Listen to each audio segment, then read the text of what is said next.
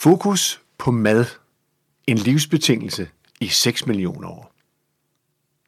Velkommen til udsendelserne, som skal beskæftige sig med at kigge dybt i, hvordan udviklingen af mad igennem 6 millioner år har foregået.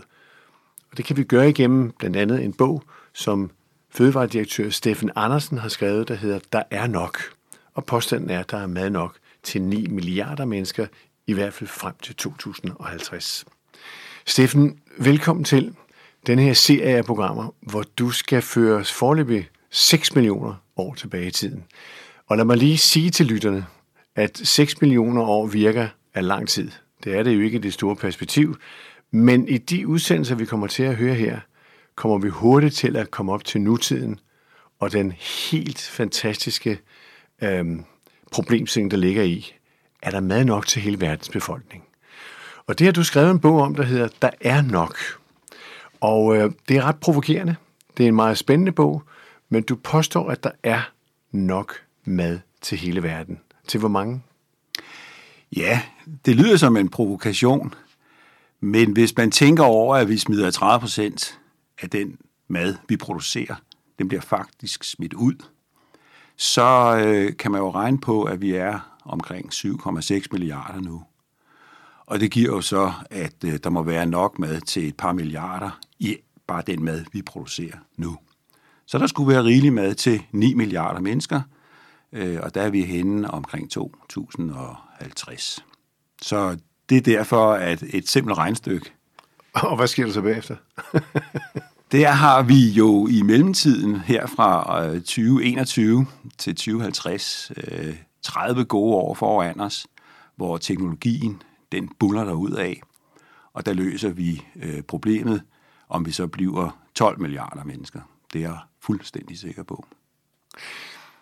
Og for ligesom at forstå den her serie, og hvad det er, du har gjort der overvejelse, og du har brugt mange år øh, på at studere det her, og en 3-4 år på at skrive den her bog, så er det måske interessant at finde ud af, hvem du egentlig er, og hvor du har fået den her interesse fra. Jeg ved, du er købmandssøn, men hvad skete der med dig som barn, siden at din, hvad skal vi sige, dit liv forandrede sig til at gå i detaljer med så mange ting, så du for den sags skyld også endte på en tobaksplantage. Fortæl os det. Ja, der sker det, at min øh, far kommer fra Aarhus, og øh, min mor kommer fra Odense. Og øh, det allerførste øh, måneder, kan man sige, at jeg levede, da både øh, vores lille familie i Aarhus. Øh, min farfar havde på det tidspunkt en købmandsbutik i Hjelmsgade. Og øh, efter vi var flyttet til København, kom jeg jo tit på ferie der med mine forældre, og fik lov til at gå rundt i hans købmandsbutik, som jeg har fotografisk inde i mit hoved, et billede af, øh, hvor de forskellige varer står. Og det har været en ledestjerne for mig hele livet. Jeg har brugt det professionelt, da jeg blev salgsdirektør sidenhen og skulle øh, arbejde sammen med øh, FDB eller Dansk Supermarked, så har jeg altid tænkt på min farfars købmandsbutik i Hjelmensgade. Hmm.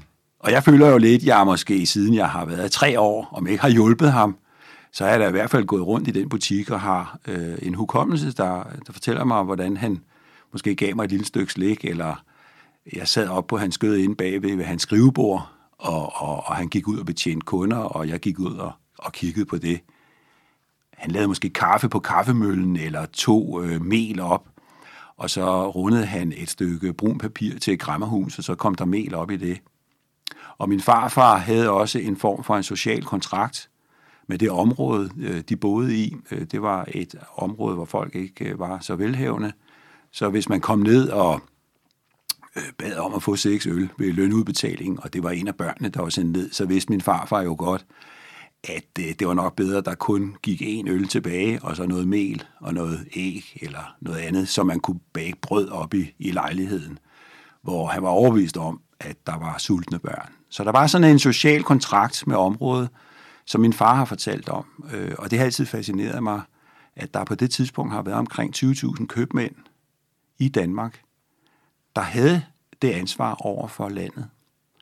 Og det har jeg set i øh, mit virke også i andelsbevægelsen øh, og arbejdet med landmænd Det ligger helt naturligt, at oplandet omkring øh, gården og øh, helt ind til byen, øh, der har også oprindeligt været en eller anden form for en social øh, tilknytning. Og det har sådan set fascineret mig, fordi vi står foran noget ganske anderledes i dag. Og med stadig store muligheder for at udfylde den samme rolle. Der ligger en samfundsopgave, som vi skal tage øh, mere hul på i denne her og de kommende udsendelser. Men, men så lige tilbage til, hvordan har din udvikling været? Hvad fik dig for eksempel til at vælge at tage ned og plukke tobaksblade? Det har jo ikke meget med fødevarer at gøre. Tværtimod, han altså har sagt. Nej, men det, øh, der sker, er, at da jeg er gået igennem skoletiden, hvor øh, jeg var en af dem, der lige kom det der år for tidlig skole, så det var ikke... Øh, det var en dejlig skoletid, jeg havde, men jeg var ikke sådan den, der fik topkarakter. Så jeg skulle ud og bruge mine hænder efter jeg så også havde været i ØK og arbejdet øh, med træ og import af træ fra Thailand og Burma, som det hed dengang. Og så siger jeg til min far, øh, kunne jeg ikke få lov at komme ud og, og opleve verden på den måde, at øh, jeg vil godt bo sammen med nogle andre mennesker, altså simpelthen inde i deres huse, ude i nogle landsbyer, arbejde i jorden og have med landbrug at gøre. Og han kigger lidt forbavset øh, på mig og, og siger, jamen det kan du da godt. Og, og så skabte han en kontrakt øh, til øh, nogen, der havde øh, tobaksplantager i øh, Malawi. Øh, Philip Morris øh, er og var jo en af de store øh, selskaber dengang. Og han arbejdede inden for øh, tobak i Søborg. Men, men at komme ned og igen sige, pluk tobaksblade, det er noget med lokalbefolkning. Altså, der er jo ikke nogen danskere, der normalt går ud og... og... Nej, altså, det der skete var jo, at jeg fik en enkelt, eller købte, øh, jeg sparede op til en enkelt billet, og så fløj jeg afsted hen over det store hav, faktisk til Honduras endte med at blive. Og øh, jeg ankommer øh, først til Guatemala City, og, og skal så videre til Honduras efter nogle få dage. Og det var jo øh, på en måde øh, helt utroligt for mig, at egentlig bare vende ryggen altså, til Danmark og så flyve væk og så blive modtaget af nogen, der ikke talte engelsk i den anden ende, og jeg talte ikke spansk. De talte kun spansk. Og så gik der nogle få dage, øh, så siger de, du skal nok øh, længere ned til øh, markerne, og dem har vi i Honduras. Så jeg blev sendt til Honduras. Der var selvfølgelig nogen, der talte engelsk, der kunne forklare mig det her. Og nede i Honduras spørger de, om jeg kan spansk. Der var en amerikaner, øh, der var i det land på det tidspunkt, som var repræsentant for det her firma. Og jeg siger, det kan jeg ikke. Nå, det bliver du nødt til at lære. Og øh, så blev jeg faktisk sat øh, på en jeep og kørt op øh, til en by, øh, der hed Florida, i Honduras. Og på det sted, om man så må sige, bliver jeg lastet om til en ny jeep og kørt ned til en flod, hvor de på spansk siger til mig noget, jeg forstår, som du skal bare blive siddende her. Og jeg har åbenbart noget eventyrblod i mig, fordi det blev vildere og vildere det her inden for et døgn. Øh, og jeg sad ved den her flod og, og, og ventede øh, på, at noget skulle ske. Jeg, jeg var ikke klar over, hvad der skulle ske. Og øh, kiggede på floden, og, og, og, sådan, øh, og så kom der en cowboy ridende på en hest hen over floden. Nu vidste jeg, at jeg var på det rigtige sted i verden. Det her, det var en drøm for mig, der gik i opfyldelse. En mand kom ridende på en hest med en kæmpe machete, øh, hængende i, i sadeltasken der og siger, at jeg skal hoppe op på hesten, og så vender han hesten, og så drager vi dybere ind i junglen, altså igennem floden først, og ind i junglen, og jeg var jo helt op at køre af lykke. Det var fuldstændig ufatteligt, det der skete for mig, og så på et tidspunkt siger han til mig, øh, du kan bare øh, sidde af her, og så begynde at arbejde med de her øh, kvinder. Der gik så nogle indianerkvinder, og de gik faktisk, de gik ud i markerne, og, og, og øh, de gik og øh, lagde tobaksplanter ned i nogle små huller, som to øh, indianermænd øh, gik foran og, øh, og sørgede for at var på plads. På den måde, at den ene havde en stok, som han lavede et hul i jorden med, og den anden havde en taske med små øh, stiklinge, med tobakstikling, og dem kastede han ned på kanten af hullet, og damerne de gik så og øh, lagde stiklingens rødder ned i hullet og tog en lille jordknold og satte fast omkring øh, finrødderne på den her lille stikling. Så den sådan lå med noget fast jord, men ikke for fast. Sådan let løst, mellem løst og fast. Og så lå stiklingen hen ad jorden. Og så siger de, det skal du lære. Og jeg kiggede lidt på det. Jeg havde jo været med til at lave lidt ærter og lidt forskellige jordbær hjemme i haven, men, men det her, det, tænkte jeg, vi må hellere lige lære det der. Og det var faktisk lige noget, man skulle lære, at lave en lille jordkugle i hånden, og så trykke den forsigtigt fast om rødderne. Og når du spørger om detaljen, som jeg fornemmer, mm. det er der, jeg lærer, at altså, det er vigtigt, at de finrødder får en god start. Det er som små børn. Det er super vigtigt, at det hele er rigtigt. Fordi øh, efter vi havde gået der nogle dage, øh, så spurgte jeg sådan lidt, jeg havde jo en spansk øh, parlør med, så jeg begyndte også at øve mig lidt i spansk. Hvad sker der? Og de siger så, at der skal vandes. Og der så jeg noget helt fantastisk, at efter fire dage, og de havde vandet, så rejste de her stiklinge sig op. Og der var forbindelsen mellem altså vand, øh, finrødder og jord. Det var noget, jeg forstod. Det var ikke noget, jeg læste i en bog. Det så jeg ske foran mine øjne. Og der var nogle af de stiklinge, der ikke rejser. Og dem havde vi så åbenbart ikke gjort det ordentligt med. Så det gav mig sådan en form for perfektion af, at hver eneste kornstrå i verden skal have den rigtige behandling. Som hver eneste lille barn, kan man sige. Jeg tror faktisk, det startede der. Og til de, der lytter med her, øh, skal jeg sige, at vi har igennem mange år øh, fødevaredirektør Steffen Andersen med, som har sat fokus på, at der er mad nok til mennesker i hele verden, i hvert fald frem til år 2050, er du forklarer først. Og for at forstå den her udvikling i de kommende udsendelser om, hvad der egentlig er sket med vores madudvikling, hvordan vi har forandret vores kroppe på grund af maden, og alle de ting, du har beskrevet i bogen. Så vi startede her med at høre, hvad er egentlig din, hvad er din passion for det her for starten? Og det er så detaljerne, kan man sige. Du, kan man sige, at du er lidt af en naturmand, eller hvad? Det er helt klart. Jeg har fra barns ben haft øh, den lykke og frihed til at kunne løbe rundt ude i naturen omkring Nybrovænge i Lyngby. Øh, det hed Radiomarkerne dengang. Og øh, jeg var mange, ofte egentlig ensom øh, på mark, ikke ensom på en negativ måde, men ensom og, og gik rundt og, og gravede jordhuler og, og havde også mange kammerater, men, men hyggede mig egentlig ved at øh, gå rundt alene ude i naturen og, og, og, og finde på ting og sager. Øhm, og øh, det tog jeg med mig ind i et spejderliv øh, sidenhen, hvor det blev lidt mere systematiseret. Og øh, jeg er typen, der har taget mit telt eller en øh, regnslag, og så taget til Sverige og boet alene ude i skovene forskellige dage og, og hygget mig med det på en meget positiv måde og tænkt lange tankerækker igennem. Så jo, jeg er er det, naturen. Kan det være en af grundene til, at når du beskriver i bogen, hvordan madens udvikling har påvirket mennesket, så er det fordi, du har sat dig ind i din, dit eget forhold til naturen. Hvor er jeg i forhold til udvikling? Er det så nogle ting, der sker, når man er sig selv ude i naturen og tager et regnslag med ud og ligger og tænker lange tanker? Ja, jeg tror, man får en tilknytning til, at vi tilhører noget større. Øh, det, man bliver meget lille øh, ude i naturen.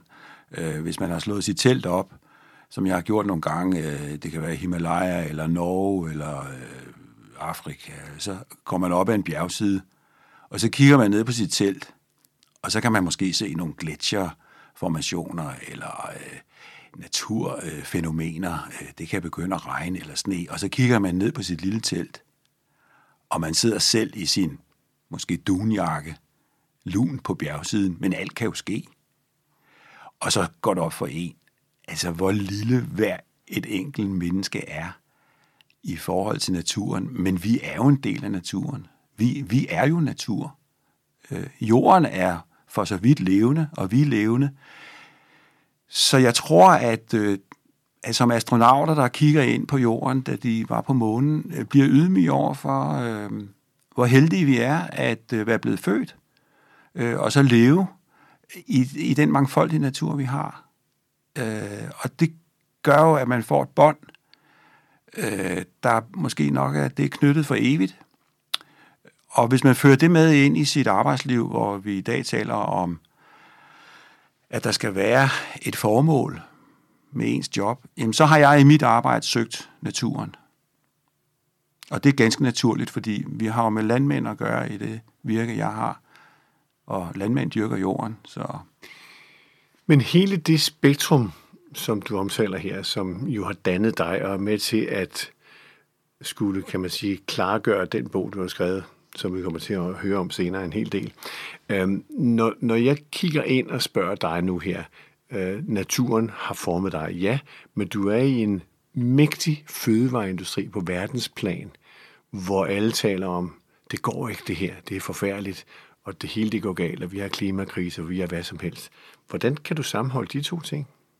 Ja, det har jo været øh, en øh, opdagelse, jeg har gjort ved at skrive bogen. Jeg har skrevet mig ind i vores industri, og jeg er utrolig stolt af at være en del af den. For du har ret i, at når man kigger udefra ind, er det et monster, vi har kreeret. Bare tag et eksempel. Der er to millioner frostcontainer, der sejler rundt med mad, der er frossen ned til forskellige egne i verden. Det kan man se på som værende noget mærkeligt noget, vi gør. Men hvis man kigger på, at vi i dag er i stand til at brødføde hele verden ved at sende varer rundt til de steder, hvor man har svært ved at lave mad, så begynder det jo at gå op for en, at teknologien har hjulpet os et sted hen, hvor vi øh, benytter den til at sikre os mad, og det har vi gjort de sidste mindst to millioner år.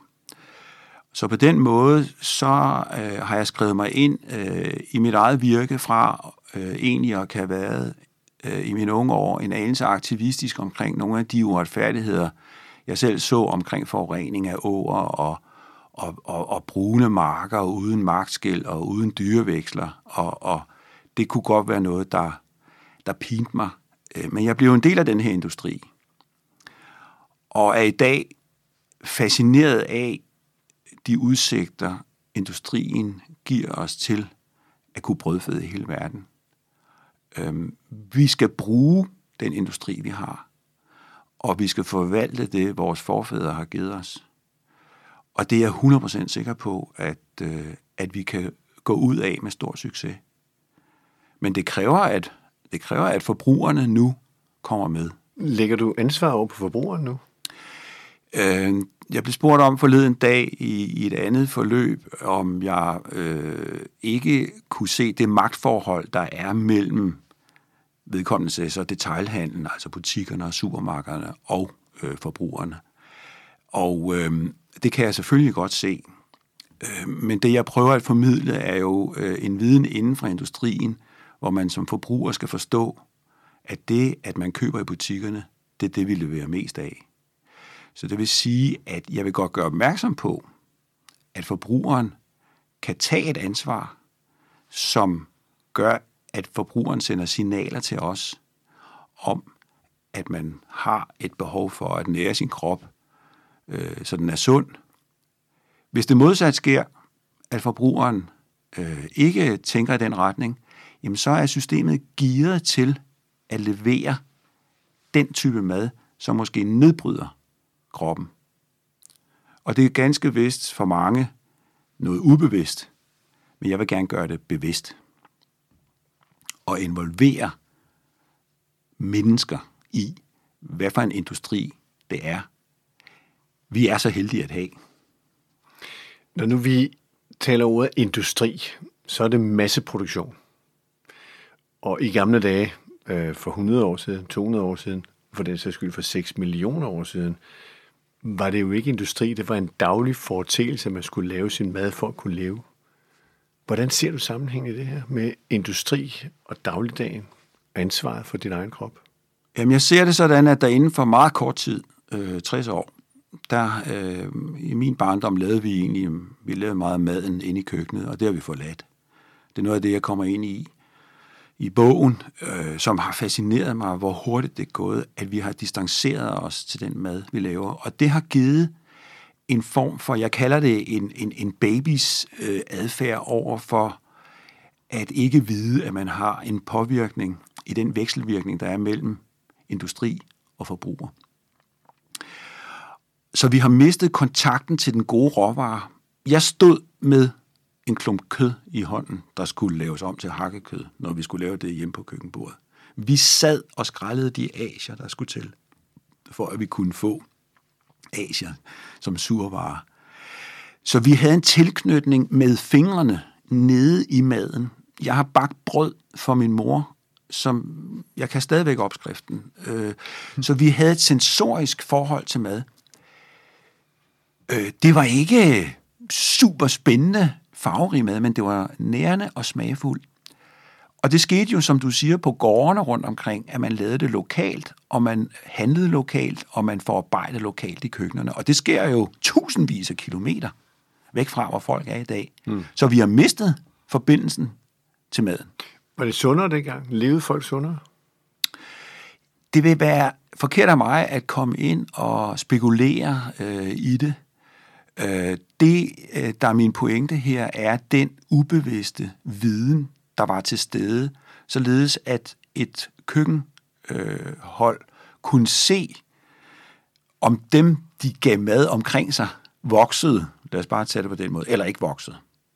I dag, hvis vi forestiller os, at man får mad i daginstitutioner eller i kantiner, som vi jo gør, og så går man ud og tager takeaway om aftenen, og går på restauranter, der kan dem, der laver maden til os, de kan ikke se, hvordan vi udvikler os. Altså, de hedder marketingchefer. Det er dem, der dybest set er vores mor og far i dag. Og det var meget tættere på i gamle dage. Og det er industrien? Det er industrien, og det er detaljhandel. Og de går efter øh, total optimering af økonomien? Jamen, systemet er selvfølgelig indrettet på, at øh, man producerer det, folk efterspørger, og det gør man i stigende mængder til faldende omkostninger, således at maden bliver billigere, forbrugerne bliver gladere og bruger mindre penge på mad relativt hen over tid, og føler sig mindre involveret, og derfor bliver fjernere fra, hvad madens virkning er på kroppen. Så målet er penge? Målet vil altid være penge i et kapitalistisk system, men der er i industrien nu en særdeles interessant øh, trend, der går på, at man vil notche, altså man vil skubbe folk over mod det bedre valg. Og det har jeg set inden for ganske få år komme frem. Og det kommer vi tilbage til ja. i de næste udsendelser, hvor du har konkrete opskrifter på og idéer til, hvordan forbrugeren kan blive gjort ansvarlig, og industrien er klar til, siger du i hvert fald i bogen, at være med til at løfte det ansvar. Ja. Sådan lige kort øh, til sidst den her udsendelse. Når nu vi taler om produktion og industri i verden, og x antal tusind container, der sejler rundt på verdenshavene med frost, så taler vi jo om øh, klima, og det er jo det kæmpe emne i dag. Men du har også en tese omkring klima og klimadebatten ud fra FN's verdensmål. Ja, jeg synes, det er vigtigt, at vi får sat det i perspektiv, fordi det er ikke alle, men mange kender til de øh, 17 verdensmål, FN har øh, i, og, øh, omkring bæredygtighed. Og øh, der har jeg været inde og kigge på de 162 delmål, der er bag de 17 verdensmål. Og det sted kom, at det gik op for mig, at, øh, og det er jeg ikke alene om, har jeg så opdaget bagefter, at alle verdensmål handler om mad. Og det ligger meget godt i forlængelse af FN's virke hen over mange år. Det er verdensmål nummer 13, der direkte omtaler klima. Og bæredygtighed øh, har selvfølgelig også noget med klima at gøre. Øh, men hvis vi kigger på de her 17 verdensmål, så ender vi i, det handler om mad. Så jeg snakker ikke om klima øh, i de her udsendelser, men øh, jeg sætter det i forbindelse med de 17 verdensmål. Og der har det også, det er også gået op for, ikke gået op for FN. FN ved godt, hvad er vigtigere end mad. Hvad er vigtigere end mad? Jamen det har jeg jo skulle igennem det resonemang og den tankerække.